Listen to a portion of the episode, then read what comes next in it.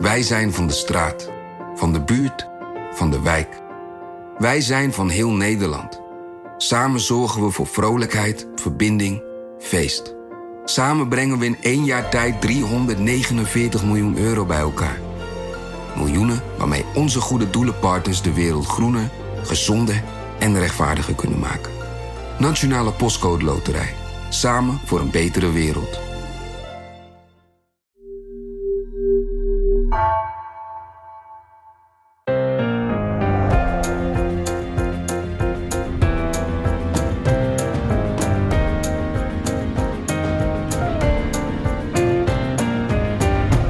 Dit is Haagse Zaken van NRC. Mijn naam is Guus Valk.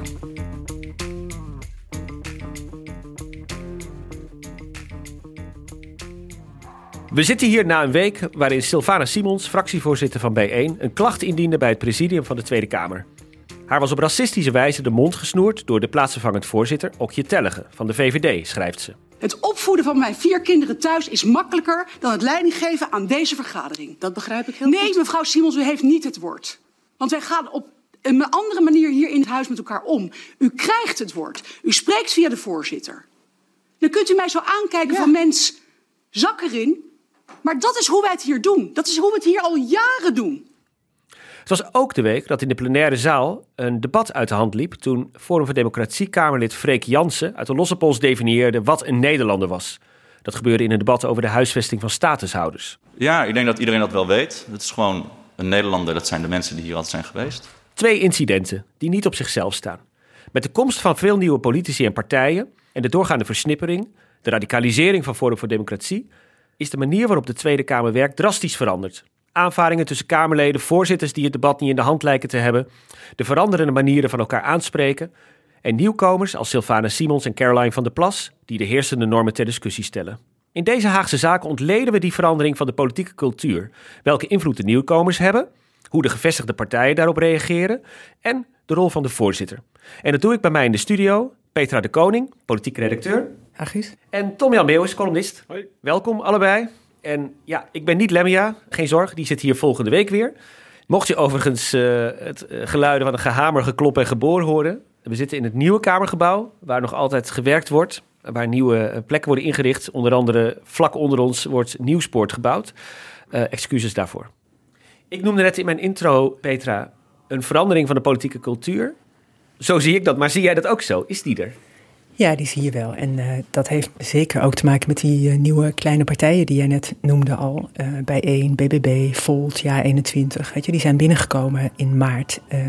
vallen op door vragen te stellen bij het systeem, bij de gewoontes. Van, oh, gaat het zo hier en kan dat niet anders? Weet je wel, waarmee ze dus op hun beurt proberen op te vallen. En je ziet dat andere partijen die dat daarvoor deden, hè, dus eh, die ook van de ophef wel leefden, Denk, PVV, Forum voor Democratie, die zie je daar wel wat onrustiger van worden. Die moeten er elke keer weer een schepje bovenop doen om ook op te vallen. En tegelijk zie je dat de middenpartijen, de wat gematigde partijen, er heel geïrriteerd van raken en eh, eh, ook niet zo goed weten hoe ze ermee om moeten gaan. Dus ja, er is wel wat aan het gebeuren. En je zegt, ze doen het om op te vallen. Dat betekent dat ze niet zeg maar, de, de, de bestaande gewoontes ter discussie stellen... omdat ze het niet weten, maar omdat ze die gebruiken om daar zichzelf mee te profileren. Nee hoor, je ziet ook wel dat ze het niet weten. En dat ze sommige dingen gewoon echt niet snappen. En, en er vragen bij stellen. En daar ook niet eh, bang voor zijn om dat te doen. Maar je ziet tegelijk dat ze daardoor ook aandacht naar zich toe trekken. Die ze goed uitkomt.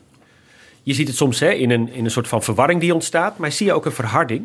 Er is wel een soort verbeterheid aan de gang, ja. En het viel mij vooral op omdat nou, de partijen praten daarover. En toen ben ik een, een debat gaan terugkijken uit 2017. Toen was GroenLinks net afgehaakt bij de formatie. En deze zomer had je eh, GroenLinks en de PvdA die niet mochten meepraten. Dus ik heb die twee debatten met elkaar vergeleken. En dan zie je wel dat het toen ook niet echt leuk was. GroenLinks, ik bedoel, Jesse Klaver was heel uh, chagrijnig daarover. Maar de sfeer in, in dat debat was heel anders dan deze keer. Veel, er werd meer gelachen, het was wat jovialer onderling. Het was, uh, het, was, het was gewoon echt vrolijker, gek genoeg. Terwijl het toen al niet best voor stond. Het, de verhoudingen leken behoorlijk verstoord. Dat was niks met nu. Heeft er ook mee te maken dat er nu veel meer fracties zijn... en dat die debatten daardoor ook een andere dynamiek krijgen? Ja hoor, zeker. Maar ik heb het idee dat er ook nog wel meer aan de hand is. Dat, dat de, en je zag het ook tussen Rutte en Kaag, dat het niet lekker liep. Het ging in alle opzichten, was het flink verstoord. Tom Jan, ik uh, las een column van jou op 9 november en toen uh, citeerde jij een anonieme ambtenaar en die zei tegen jou, er hangt gif in de lucht. Kun je me iets over de context van dat citaat vertellen? Dat gebeurde tijdens een van de coronadebatten. En in die debatten die heb je eigenlijk heel vaak dat, uh, dat heel scherp verwoord wordt wat de kritiek is. terwijl eigenlijk in de praktijk de meeste Kamerfracties het beleid steunen. En dan zie je eigenlijk dat ehm, aandachttrekkerij een belangrijk motief is om, om de overtreffende trap te gebruiken. Ja, je citeert vaker wel eens iemand. En wat, wat ik opmerkelijk vond toen ik dat een keer had opgeschreven, was dat ik heel veel reacties kreeg. Uit vooral de wereld van uh, bewindslieden. Die zeiden: hè, hè, eindelijk iemand die het opschrijft. Terwijl, ja, dat was nou niet bepaald mijn oogmerk. Ik dacht gewoon, nou ja, oké, dat is een, sfeerbeeldje. Uh, maar dat is een, een werkelijkheid die in de, aan de kant van het kabinet en en ook aan de kant van ambtenaren overigens heel erg wordt beleefd. Van wat is hier in godsnaam aan de hand? Want dat zijn uiteindelijk natuurlijk ooggetuigen, want die zitten in hè, vak K, zoals het heet. Die, die, die zien de Kamer aan het werk. De ambtenaren zitten achter hè, in de ambtenarenbankjes, of zitten misschien op de tribune of kijken via een scherm heen. Dat zijn de mensen die dat zien gebeuren dus. Uh, dat zijn de mensen die, uh, die, kijk, die, die eigenlijk de keerzijde van uh, het Kamerdebat ervaren. Dus die gewoon en die het eigenlijk proberen te begrijpen en daar moeite mee hebben. Kijk, je hebt natuurlijk uh, heftige kamerdebatten soms. En de gewoonte is natuurlijk toch heel lang geweest hier om, als een debat heel heftig was, om daarna rustig aan te doen. En, en, en het afgelopen jaar heeft, heeft te zien gegeven dat er klaarblijkelijk toch weinig remmingen zijn. Nou, uh, enfin, dit registreren mensen en ze kunnen het dus moeilijk plaatsen. En vooral, ze kunnen er moeilijk mee omgaan. Jij uh, citeert dat denk ik ook omdat je dat zelf ook ziet gebeuren. Uh, als jij de afgelopen tien jaar, dat is een vrij korte periode in de parlementaire maar als je dat bekijkt, ja, is natuurlijk. Ja, ik denk dat het ongeveer zo is gegaan. Je hebt uh, Rutte, die had zijn eerste kabinet mislukte. Het was 2012, toen hadden we vijf kabinetten in tien jaar gehad. En toen had de politiek een enorme behoefte, vier jaar na de kredietcrisis, om eens even daden te stellen. Dus, en dat is een heel bekend Nederlandse politiek. Dat uh, als het dan een tijd lang mis is gegaan, dan, wordt er, krijg je ineens een enorme monistische cultuur. Niet aftreden, maar optreden, dat soort taal. En dan, nou ja, dat is toen ook gebeurd. Dan heb je hele strakke regeerakkoorden gekregen en hele strakke coalitieverhoudingen. En dat is in Rutte 3 voortgezet. En de keerzijde daarvan is natuurlijk via de toeslagenaffaire uh, naar buiten gekomen. En uh, die toeslagenaffaire die kwam natuurlijk vlak voordat de nieuwe Kamer aantrad. En uh, die nieuwe Kamerleden die hebben allemaal, die zagen allemaal, nou, als je bent zoals Pieter Omtzigt en Renske Luiten, dan doe je het goed hier. Nou, dat, dat zag je eigenlijk vrij vlot terug. En toen kwam het debat van 1 april en daar, kijk, daar heb ik zelf eigenlijk altijd twijfel gehad over motieven. En dat zit zo. Kijk, kritiek op de macht, controle van de macht, dat hoort in dit systeem. Maar kritiek kan overslaan in destructie. Dat gevaar heeft kritiek altijd. En eh, twee elementen pik ik er nou snel uit. Je hebt voor het 1 april debat een moment, de dag daarvoor, op 31 maart, dan is er regeling van werkzaamheden en dan hebben we het dan hebben, zitten we in de discussie uh, omzichtfunctie elders. En heeft Rutte in een interview met Nieuwsuur gezegd: Ik heb daar niet met de informateurs over gesproken. Uh, dan zegt Wilders, typisch Wilders, natuurlijk een zeer vaardige parlementariër, die zegt: Ik wil inzagen in alle gesprekken met alle fractievoorzitters bij de verkenners. Een verstandige Tweede Kamer ik hoop niet dat ik nu verkeerd klink, maar toch. Kijk, een verstandige Tweede Kamer had op dat moment gezegd: Nou, het punt dat Wilders wil maken is natuurlijk goed. Wij moeten weten: is er nou echt niet gesproken uh, over omzicht in die gesprekken? Maar die Kamer, die zelf opdrachtgever is van de formatie, die hadden natuurlijk ook zich moeten beseffen... ja, maar luister eens, die gesprekken die zijn in vertrouwelijkheid gevoerd. Dus je kunt niet alles openbaar maken. Bovendien, openbaar onderhandelen leidt meestal niet tot enorme successen. Dus had een vertrouwenspersoon aangesteld, bijvoorbeeld de Kamervoorzitter... en had gezegd, laat die Kamervoorzitter die verslagen bekijken... dan had je voldaan aan het verzoek van Wilders, is er over omzicht gesproken. En had er niet de destructieve effect geweest dat er de afgelopen jaar. Waarom heeft die formatie lang geduurd? Omdat daarna, na 1 april, weten we allemaal, waren gewoon.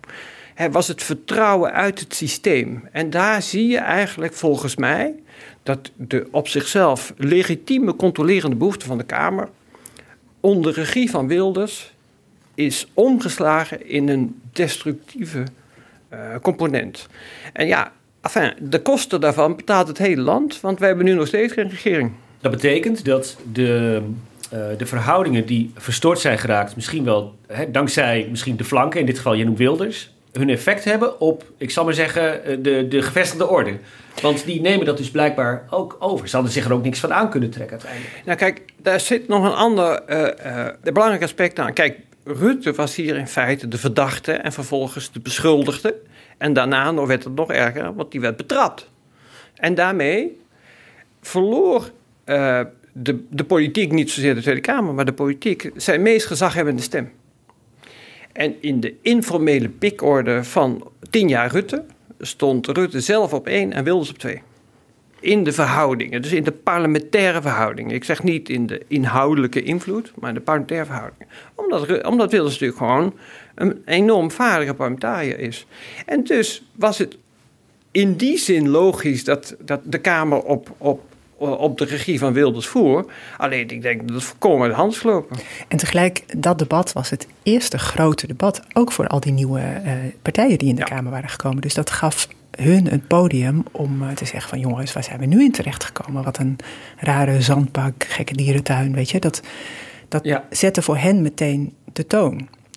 Daarom is het een fundamenteel debat geweest uiteindelijk. Trouwens, de eerste ja. daad van een heleboel Kamerleden, überhaupt een eerste politieke daad, was het steunen van de motie van wantrouwen. Ja. Ja. ja. ja. Ja, kijk, en daarna loopt het eigenlijk heel snel uit de hand. Ik, ik, je hebt dan een maand later, heb je, dan zijn de notulen van de ministerraad naar RTL. Die hebben daar uh, berichtgeving over. En dan krijg je een nieuw, enorm hoog oplopend debat. En dit heb ik opgezocht, want ik vond dit toch ook werkelijk fascinerend. Dan, dan gaat namelijk iets, dan zie je dat het voorbeeld van Wilders verder wordt gevolgd. Wilders die heeft in de afgelopen tien jaar eigenlijk min of meer structureel het volgende gedaan.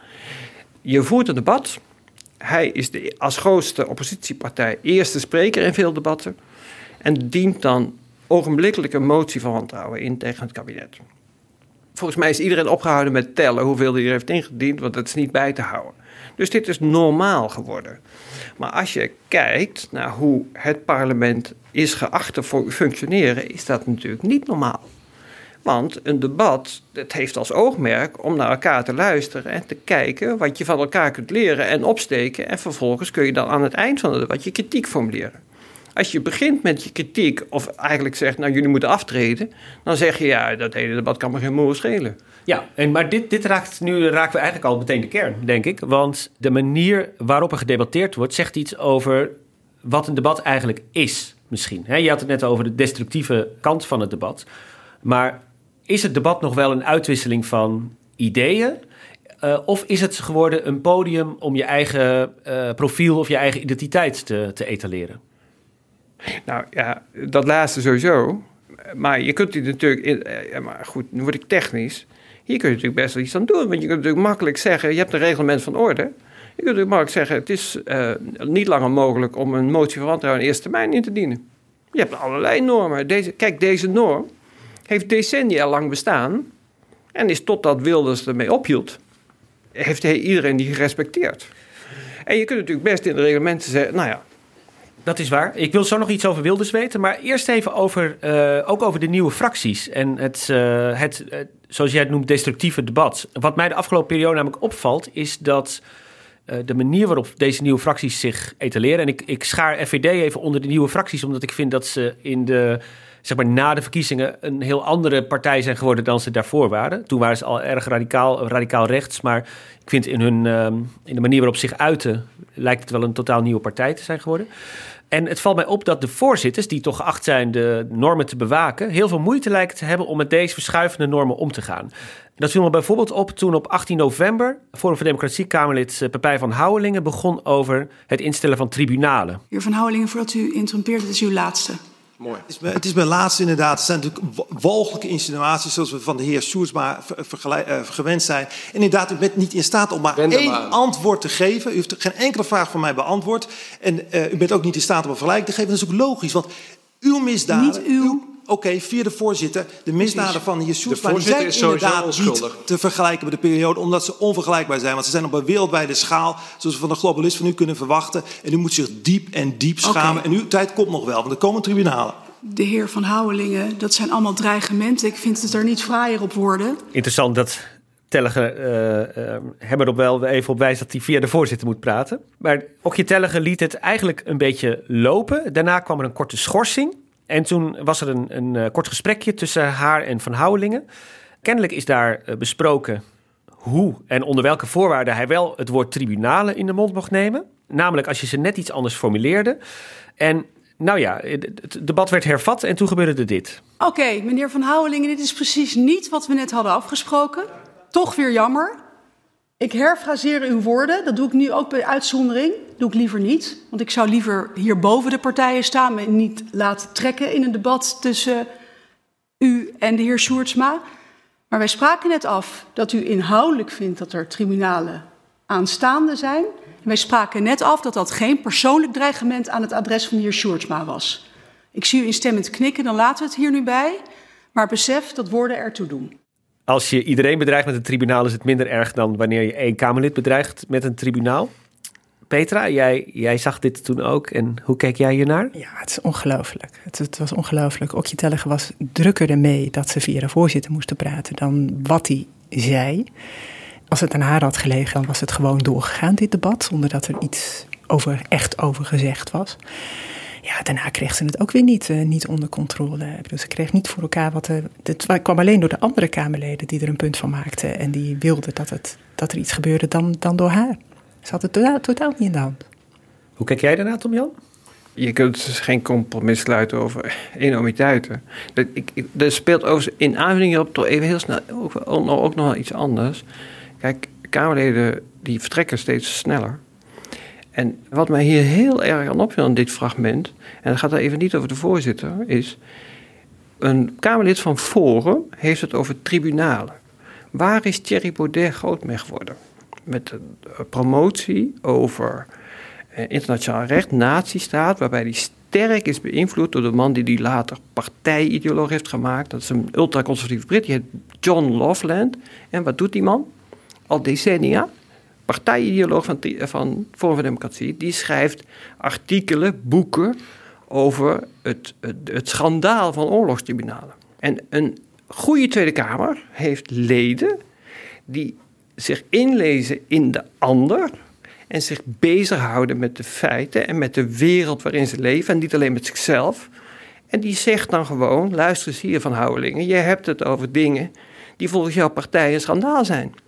En uh, je kunt het over de voorzitter hebben en dat markeert van alles aan, duidelijk. Maar als één Kamerlid was opgestaan en gezegd: hé, hey, hallo, weet je wel wat je zegt? Dan hadden we deze hele toestand niet gehad. Dus een inhoudelijk antwoord was beter geweest dan zeg maar, het fatsoensargument. Maar dat is altijd zo. Kijk, inhoudelijk debatteren over wat mensen zeggen is de effectiefste manier om ze te ontkrachten. En dat had hier makkelijk gekund. Dat gebeurde ook wel met Freek Jansen de afgelopen week. Ja, ja. Toen hij zei, iedereen weet wel wat een Nederlander is. Toen liep onder meer Don Seder van de ChristenUnie naar de microfoon. Nog een paar anderen, die begonnen hem daarop te bevragen. Ja, dank u wel, voorzitter. Um, wat een Nederlander is of niet, um, juridisch is dat bepaald. Dus juridisch is uw verhaal onzin. Uh, maar misschien ligt het wat dieper. Misschien is het een gevoel van hè, wij, zij en ligt het veel dieper dan juridisch of een paspoort of, of, je, of je hier geboren bent of niet. En uw vraag? Mijn vraag uh, is, ben ik volgens u een Nederlander? Opvallend was wel dat het, het tribunaalwoord ook in de Eerste Kamer werd geuit. En toen trok de voorzitter daar, Jan-Antonie Bruin van de VVD, wel een streep. Tot en met oproepen tot tribunalen, mensen te intimideren. Meneer Otter, ik wil die associatie met de Tweede Wereldoorlog in dit huis niet horen. Ik ga het hier niet over tribunalen hebben. Dat is een metaforische associatie met de Tweede Wereldoorlog. Dat treft mensen in het land zwaar. Dat is de bel aan de wortel van de parlementaire democratie. Dat gaan we hier niet doen. Ik verzoek u om daar dus omheen te praten. Degene die er omheen moest praten was overigens Henk Otte, oud FVD'er. Maar hij uh, viel Forum juist aan over het gebruik van het woord tribunale. Dus het ingrijpen was wel scherp, maar het was misschien tegen de verkeerde gericht. Opvallend was wel dat een dag later Vera Bergkamp weer in de Tweede Kamer uh, deze strategie weer overnam. Omdat uh, zij het PVV-Kamerlid Kidi Marcusauer aansprak, die hier het hier ook weer over had. Uh, meneer Mark, zo. Nee, nee, nee, nee, nee, nee, nee. Nee, meneer, meneer, nee, meneer Mark, ik wil even dat u naar mij luistert. Uh, maar een aantal collega's hebben ook een beroep op u gedaan. Ja, ik wil dit onderwerp sluiten en u komt tot een afronding volgens mij. Zeker. Ja? Ik sluit het. Ik heb hier een lijst van zes. Ik zal ze allemaal dus nu noemen. Heb ik Graag. Dan geef ik u nu weer het woord om het, uw betoog verder te gaan. Ze zeven tribunalen heb ik dan niet genoemd ja, nee, uh, waar iedereen nee. aan mee heeft gewerkt, dat is, hoort ik, bij de justitie. Oké. Okay. Ja, ja, graag. U gaat verder. En we kennen natuurlijk, en we kennen natuurlijk het tribunaal. Want mijn fractie. Ik, uh, u heeft net gezegd dat u die woorden niet gebruikt. Okay. Dan moet u dat ook niet doen. Het, het, fragment klinkt een beetje warrig, maar dat komt omdat wat je hoort is allemaal via de microfooninstallatie van de voorzitter. Uh, de voorzitter kan de microfoon uitzetten op het moment dat iemand iets zegt terwijl diegene niet het woord heeft. Wat zij deed was elke keer zodra het woord tribunaal viel, diegene even het woord ontnemen. Dus eigenlijk een soort uh, vertraagde uh, censuur, zo zou je het eigenlijk kunnen zeggen. Zo zie je wel voorzitters hiermee worstelen, hè Petra? Ja, het, het, toont dat ze het niet in de hand heeft. Dat ze gekke dingen gaan doen eigenlijk. Of het, ja, weet je, van, om het toch een soort grip te houden op de situatie. Wat je dus ook zag van de week uh, bij uh, Sylvana Simons in het debat over emancipatie. Waarbij Okje Tellige heel boos op haar werd. Echt minutenlang een tirade hield. Ja, wat, wat schetst, die, die, uh, die, die context eens? Hoe nou ging ja, dat? Het was in de, in de commissiezaal van de Tweede Kamer. Het ging over of je de term blank wel moest gebruiken en waarom juist niet. En dat was een, een debatje tussen Haptemoede Hoop van de PvdA en Caroline van der Plas van de BBB. En uh, Sylvana Simons zei daar iets tussendoor, buiten de microfoon om, waardoor Caroline van der Plas stopte met praten toen kwam opeens een PVV'er, Harm Beertema, die zei iets tegen uh, Sylvana Simons. En zij wilde daar een punt van orde van maken. En voor de duidelijkheid, ze zei, hij zei iets, maar niet via de microfoon, nee. niet via de voorzitter, nee. maar direct tegen direct. Simons. Ja, precies. Ik geef u straks het woord, mevrouw Simons. Maar ik zou dit eerst even willen afronden. in de tussentijd niet willen ingrijpen? Wat er buiten de microfoon gebeurt, kan ik niet horen. En nee, maar daar, heeft u, beide, u, daar heeft u beide een handje van. Ik geef u zo het woord. Voorzitter, ik vind het heel erg vervelend. U praat hier gewoon, in een vergadering u praat gewoon door. Maar u niet ingrijpt op het moment dat ik u aangeef dat er hier een Kamerlid. Twee, uh, Goedemorgen zeg. Goedemorgen inderdaad. Ik denk dat ik misschien, misschien maar even moet gaan schorsen. Dan kunnen we allemaal even een kop koffie nemen. Of een kop thee gaan drinken. Of een wandelingetje maken. Het is toch een kleuterklas hier? Ja, Zegt u dat tegen mij? Dat zeg ik tegen iedereen inmiddels. Omdat u mij aankijkt. Omdat u het woord vraagt zonder dat u het woord krijgt, mevrouw Simons. Ik heb u met alle egaars behandeld. U heeft het woord eerder gekregen in de volgorde omdat u om 12 uur weg zou gaan. Dat was een inhoudelijke en, bijdrage, voorzitter. Wat me zo opviel is dat ze en heel emotioneel reageert, ook je tellige, en tegelijkertijd ook heel formalistisch. Het gaat over het woord geven en via de voorzitter. En, en uh, ik heb u net al iets eerder laten spreken, dus dat was heel genereus van mij ze reageert uh, aanvallend en tegelijkertijd beroept ze zich op een soort van formele afspraken die er zouden zijn. Ja, ik kreeg heel erg het idee, dat, dat hoorde ik ook van vrij veel mensen hier in de Tweede Kamer, dat ze aan het overcompenseren was. Dat ze probeerde goed te maken wat ze eerder had laten lopen bij uh, Pepijn van Houwelingen en uh, Sjoerd Sjoerdsma. Dat ze het nu echt er bovenop wilde zitten. Nou ja, dat laat volgens mij ook zien dat ze, dat ze de grip kwijt was. En ik vraag me af wat ze daarna gaan doen, het presidium. Want het lijkt me wel een punt van aandacht, op zijn minst. Wat denk jij, Tom-Jan? Hoe kijk jij naar dit fragment?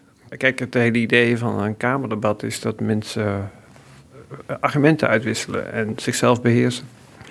En als de voorzitter daartoe niet in staat blijkt te zijn, dan is dat een vrij groot probleem. Maar wat kijken we hier naar, hè, zoals sommige Kamerleden het zeggen, een voorzitter die zich geen raad weet met nieuwkomers die, die het systeem bevragen en zoeken naar, de, naar, naar manieren om erdoor te komen?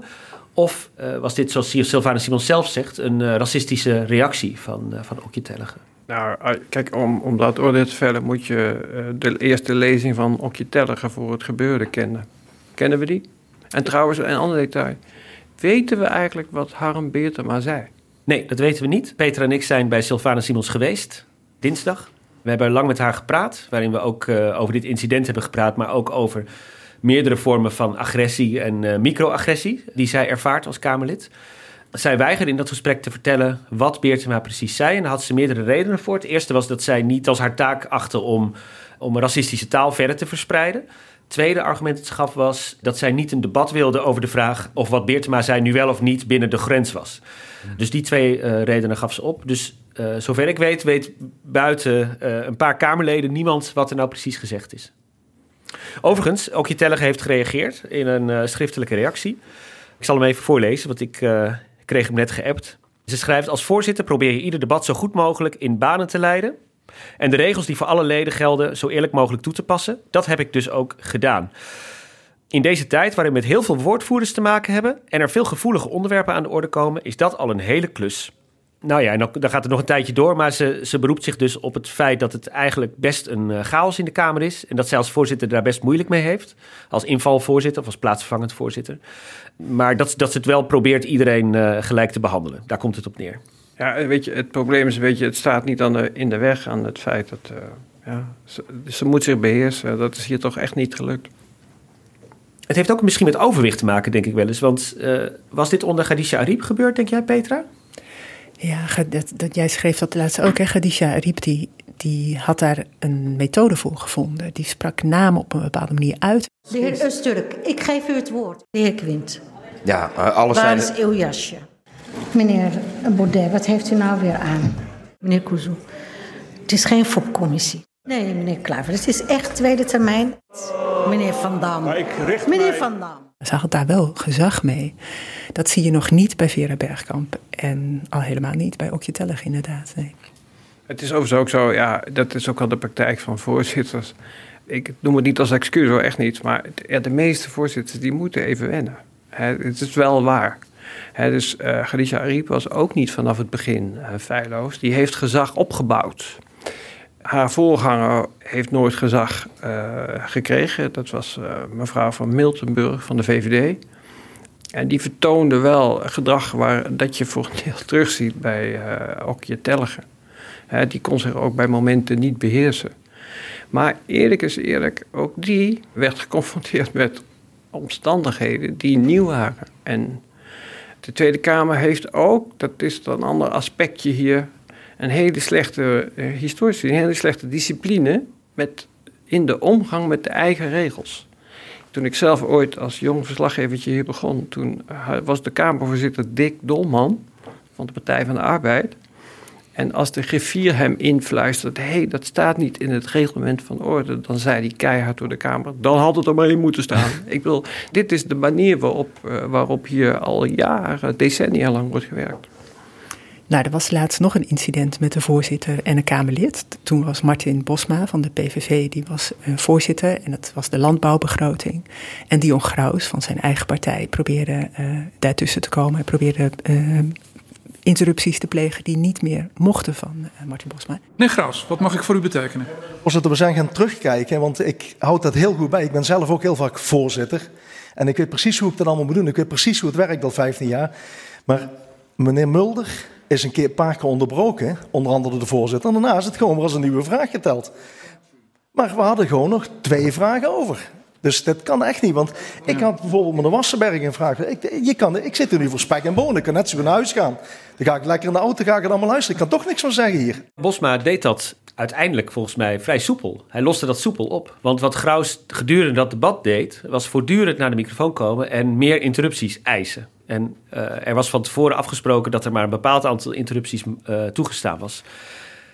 Bosma gaf niet toe uiteindelijk. En het ging zelfs zo ver dat Edgar Mulder, ook een PVV'er, op een gegeven moment bij de griffier stond. En ze zaten samen de debat uh, gemist app te kijken hoeveel interrupties Graus precies had. We hebben het net uh, gekeken via uh, debat gemist. Dan kun je namelijk zien, de interrupties die worden er aangegeven. Twee keer onderbroken Maar meneer de voorzitter, u heeft hem twee keer onderbroken. En dat is er namelijk gewoon als nieuwe geteld, terwijl hij onderbroken werd.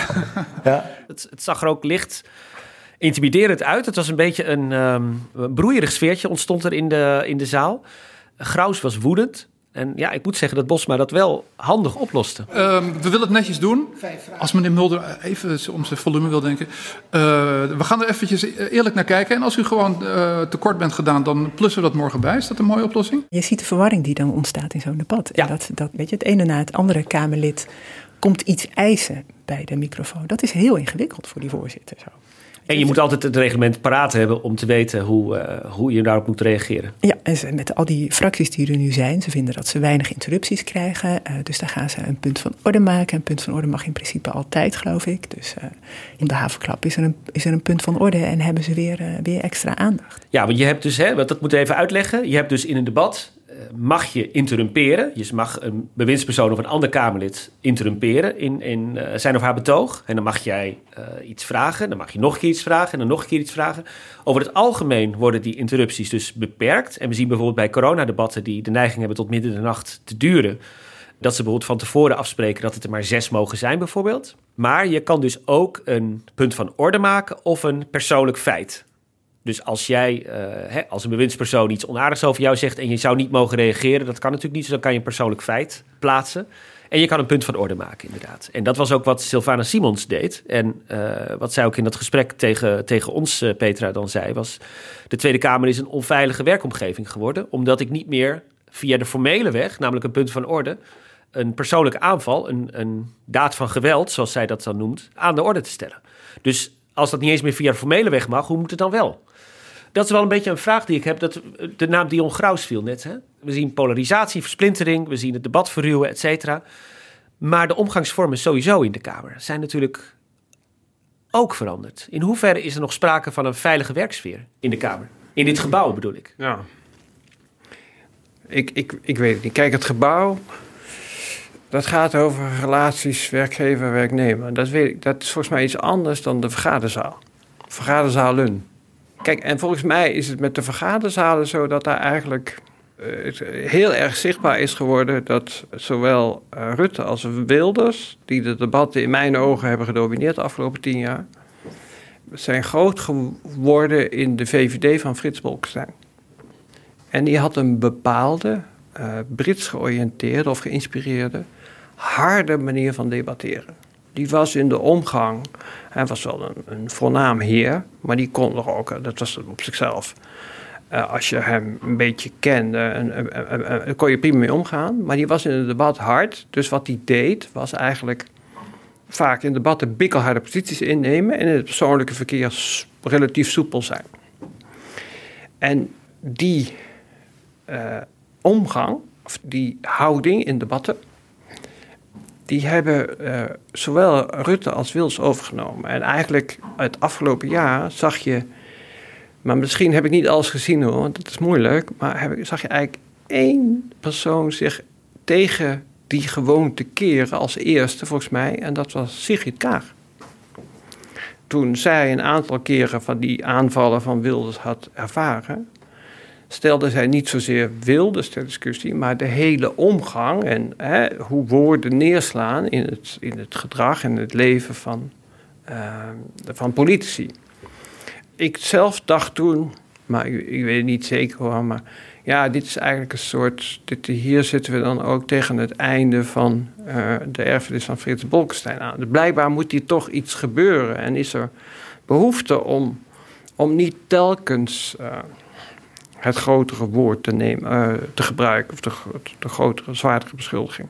Over K gesproken, er was deze week ook iets anders wat me opviel. Uh, bij de regeling van werkzaamheden afgelopen dinsdag wilde Geert Wilders van de PVV een debat aanvragen met uh, minister-president over de zus van een D66-Kamerlid. De zus van dat Kamerlid is ooit veroordeeld als lid van de Hofstadgroep. En Wilde stelde die, uh, de zus van die veroordeelde dus het D66-Kamerlid daar verantwoordelijk voor. Wat me opviel aan de reactie van, uh, van Kaag, en dat, dat gebeurde al een uh, paar dagen eerder, was dat toen Wilders dat D66-Kamerlid aanviel, zij een tweet de wereld instuurde, en die wil ik even voorlezen. Fatsoen in taal en omgang met elkaar en respect voor de individuele keuze zijn de ondergrens van onze beschaving. Deze tweet is meer dan smakeloos. Woorden doen ertoe. En toen moest ik even weer aan Okje Tellege denken, die precies diezelfde woorden gebruikte toen ze Pepijn van Houwelingen aanviel. Dat, daar, dat impliceert een soort fatsoensargument van zo doe je dat niet, dat is niet netjes. Maar dat is niet een soort principiële afwijzing of zo. Dat gaat heel erg over wat is netjes. Wat is, daarom vind ik dat debat over omgangsvormen in de Kamer dat zo ingewikkeld. Omdat ik voor mijn gevoel er veel vaker... Uh, daarom lieten we in het begin ook even dat fragment van nu van Freek Jansen en, en de Nederlander horen. Er veel vaker, veel harder over de schreef wordt gegaan in wat mensen zeggen.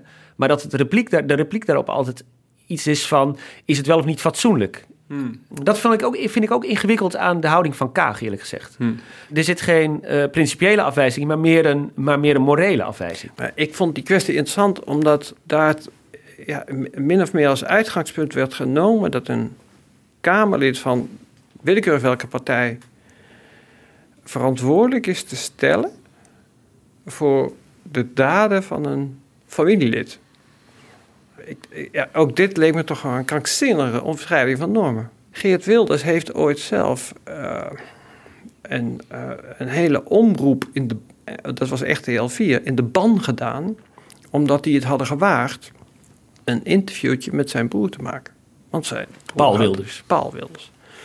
Of hij daar zo groot moest maken, weet ik niet. Maar ik heb, ik heb altijd, dat heb, heb ik altijd een goed argument voor. Ik heb die Paul Wilders zelf nooit zelfs maar gebeld. Omdat ik dacht, ja, een broer, ik, wat, wat doet er toe? Ik, maar ook hier worden de normen eigenlijk zo vrij... Ik weet dus niet of, of Kaag dit argument heeft gebruikt. Maar, niet, in de, niet in de plenaire zaal, maar in een tweet. In een tweet wel.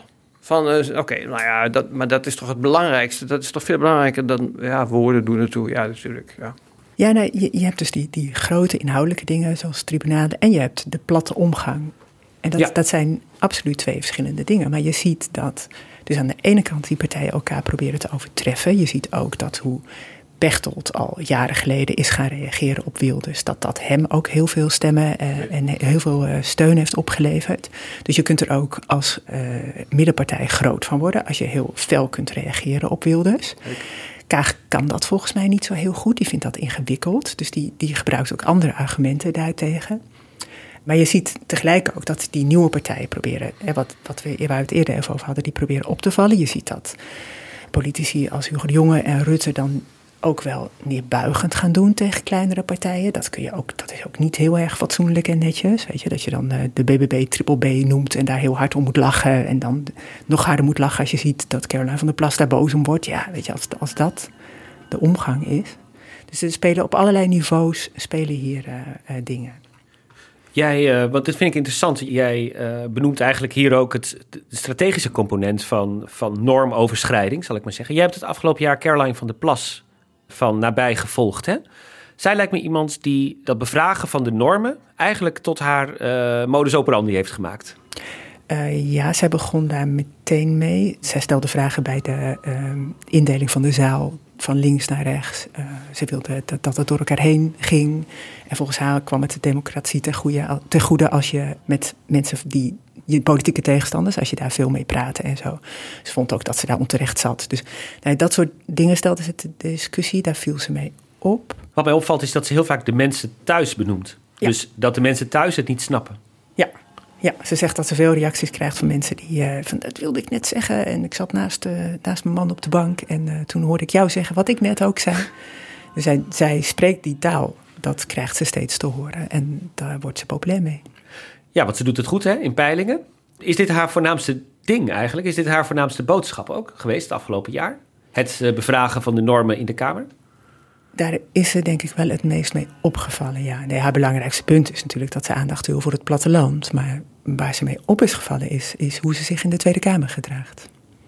Ja. Dus de manier waarop ze, weet je, dan, gaat het, dan is het een, bad, een debat over de visserij. En dan heeft zij het over vissers, families. Weet je, dat zijn wel gezinnen. Uh, en dan zie je andere Kamerleden kijken van, oh ja, ja, dat is eigenlijk wel heel slim om het op die manier te zeggen. Uh, want dan maak je opeens mensen van de visserij.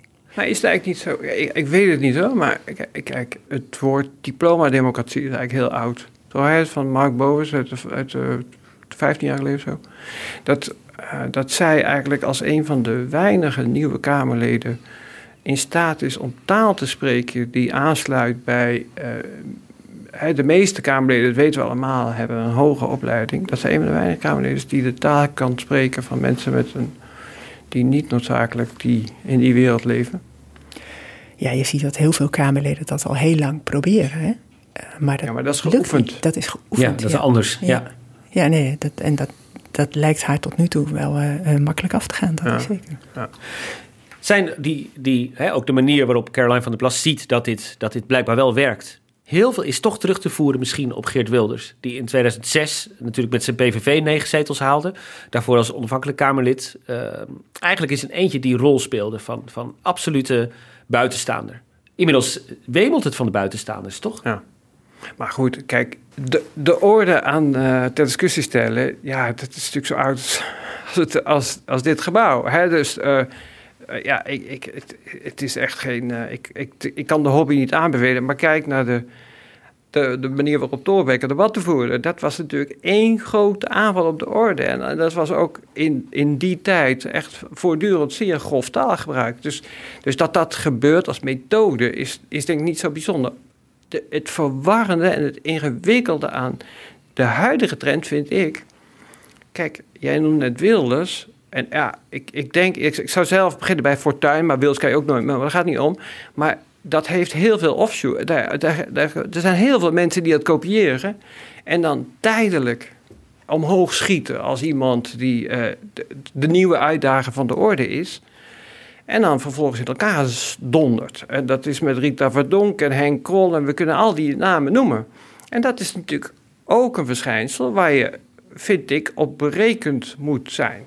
Dus ik denk bij Caroline van der Plas, nou ja, oké, dat gaat dan nu leuk in de publiciteit. En zij is natuurlijk mediahandig. Maar ja, of dat dan, of het verrijkt, volgens mij is dat niet te zeggen. Wat vooral interessant is, is hoe de andere partijen erop reageren. En de onzekerheid die je ziet bij de middenpartijen. En ook de irritatie. En uh, volgens mij is dat vooral wat we nu zien gebeuren. En wat je ook in dat debat van 1 april zag. Uh, ja, zeker. Maar kijk, de, keuze om zich te gedragen zoals zij doen. En dat geldt ook voor Savannah Simons overigens. Dat doen niet alle nieuwkomers. Hè? We hebben ook Volt, is ook een nieuwkomer. En het valt mij op en ik zie niet alle debatten hoor, dus misschien zie ik, mis ik soms iets. Maar die, hebben, die zijn niet op de korte mediakick en die doen de inhoud. En kijk, er is eh, heel in april het debat over de notulen, kabinetsnotulen geweest. En wat daar gebeurde, en ik vond dat toch een, uh, ja, een belangrijk moment. Azarkan is daar de eerste spreker. Van Dijk. Die, die, van. Die gaat dan helemaal in de Wilders-kopiestand. Dus die heeft het over de dictatoriale trekjes van het kabinet. Van die beschuldigingen die je kunt uiten waarvan je denkt, ja jongen, uh, bewijs het dan. Voorzitter, wat een arrogantie. Wat een dictatoriale trekjes, of zoals collega Omtzigt het hier zei, een bananenmonarchie. Voorzitter, de Kamer hoort de beraadslaging. Constateren uit de vrijgeving natuurlijk blijkt dat de regering in de Kamer om politieke redenen bewust, onvolledig, onjuist en ontijdig heeft geïnformeerd en dat dit in strijd is met artikel 68 van de Grondwet. Van menen dat deze gang van zaken ernstige schade heeft toegebracht aan het vertrouwen van de burger in de overheid en aan de parlementaire democratie, zegt het vertrouwen in voltallige kabinet op. Die dient volgens de methode Wilders in de, als eerste spreker eerste termijn motie van wantrouwen tegen het kabinet in. Mede ondertekend door Wilders, geen verrassing, Van Haga, geen verrassing, Caroline van der Plas en Sylvana Simons. En zij nemen dan allemaal en ik hoop dat ze doorhebben, maar ik weet het niet, de methode Wilders over. En dan mag je ook toch oprecht je vragen bij stellen. Wat is hier nou de bedoeling? Hoe zitten deze mensen in de parlementaire democratie? Zijn zij echt de democraten die zij claimen te zijn? Of zijn zij mensen die, die net zo goed als uh, sommige populisten lak hebben aan het debat zelf? En die indruk wordt hier wel gewekt, dat spijt me. Ja, nee, dat, is, dat is ook waar. Je had op een gegeven moment bij de algemene politieke beschouwingen toch ging Van Haga een motie van afkeuring tegen Carola Schouten indienen. Terwijl die nog nooit een debat met haar had gevoerd. Nog nooit samen met haar in één zaal had gezeten en hm. iets over het landbouw. En dat werd ook gesteund door Caroline van der Plas. Is het nou, dat, dat vraag ik me tot slot al voor, maar is dit nou een, een proces dat zichzelf versterkt? Of is het een proces dat zichzelf corrigeert? Want hè, wat, jij zegt helemaal waar, Tom Jan. Heel veel van die, van die hoogvliegers die het allemaal anders gaan doen, die bewijzen dat, dat, ze, dat, dat ze dat niet waar kunnen maken en, en ploffen dan weer in elkaar. Tegelijkertijd, Wilders is nog altijd Kamerlid en uh, de PVV is alive and kicking. Hoe zie jij dat? Is dit iets wat uh, is dit iets tijdelijks, denk je? Nou, ik denk niet dat het tijdelijk is, maar ik denk dat het dit jaar wel extreem is geweest, omdat uiteindelijk uh, door datzelfde 1 april debat de invloedrijkste stem in Den Haag van de, uh, van de afgelopen jaren, en dat is uh, de premier, Mark Rutte, zijn stem kwijt is geraakt. He, dus die speelde, omdat hij zelf heeft gewankeld en dan gezag had verloren, en misschien nog heeft, vrijwel geen rol, in ieder geval geen invloedrijke rol in, in, gedurende een groot deel van het jaar in de debatten. En, en bovendien was hij duidelijk niet geïnteresseerd in zijn eigen demissionaire kabinet, want daar zijn toch talrijke hele wonderlijke personeelsbenoemingen geweest, kunnen we veilig vaststellen. Dus de, de zittende macht heeft het ook laten gebeuren.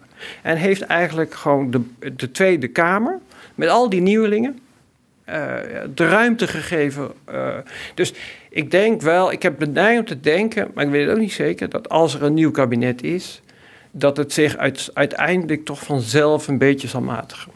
Het was toch ook wel wonderlijk, Tom Jan, dat toen dat gebeurde hè, met Rutte, die inderdaad eigenlijk niet meer meetelde en niks meer te zeggen had, dat hij niet iemand anders zijn plek innam. Dat je niet Kaag zag, ook niet in de formatie eigenlijk, dat niet Kaag de leiding nam of, of op Koekstra of, of iemand anders van die partijen. Nee, Nee, dat klopt. Het, lag, het, had voor de hand gelegen nu je dat zo zegt, omdat Kaag dat deed. Want Hoekstra was natuurlijk ook sterk beschadigd door die, ja, door die, door die, door die business met die notulen. Ja. En dus, uh, maar ja, goed, weet je, uh, Kaag was dan weer debuterend Kamerlid. Dat speelde natuurlijk ook allemaal mee. Ja, ik, uh, ik, ik, ik, verdedig het niet, maar het is misschien een verklaring. In ieder geval, kijk, het is een parlement zonder gezaghebbende stemmen geweest. Anders dan degene die we net allemaal behandeld hebben. Dank jullie wel. Tom-Jan Meeuwis en Petra de Koning. Jij ook weer bedankt voor het luisteren. Redactie en productie van deze aflevering door Iris Verhulsdonk. Montage door Pieter Bakker. Volgende week is er weer een nieuwe Haagse Zaken. En dan weer met Lemmia. Tot dan.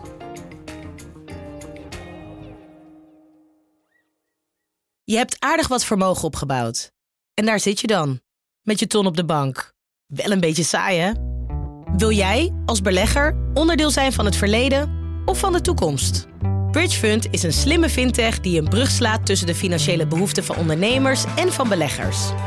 Dus wie belegt bij Bridgefund krijgt niet alleen een mooie vaste rente, maar brengt ook ondernemers in beweging. Echt waar, met die ton kan je zoveel betere dingen doen. Bridgefund. Make money smile.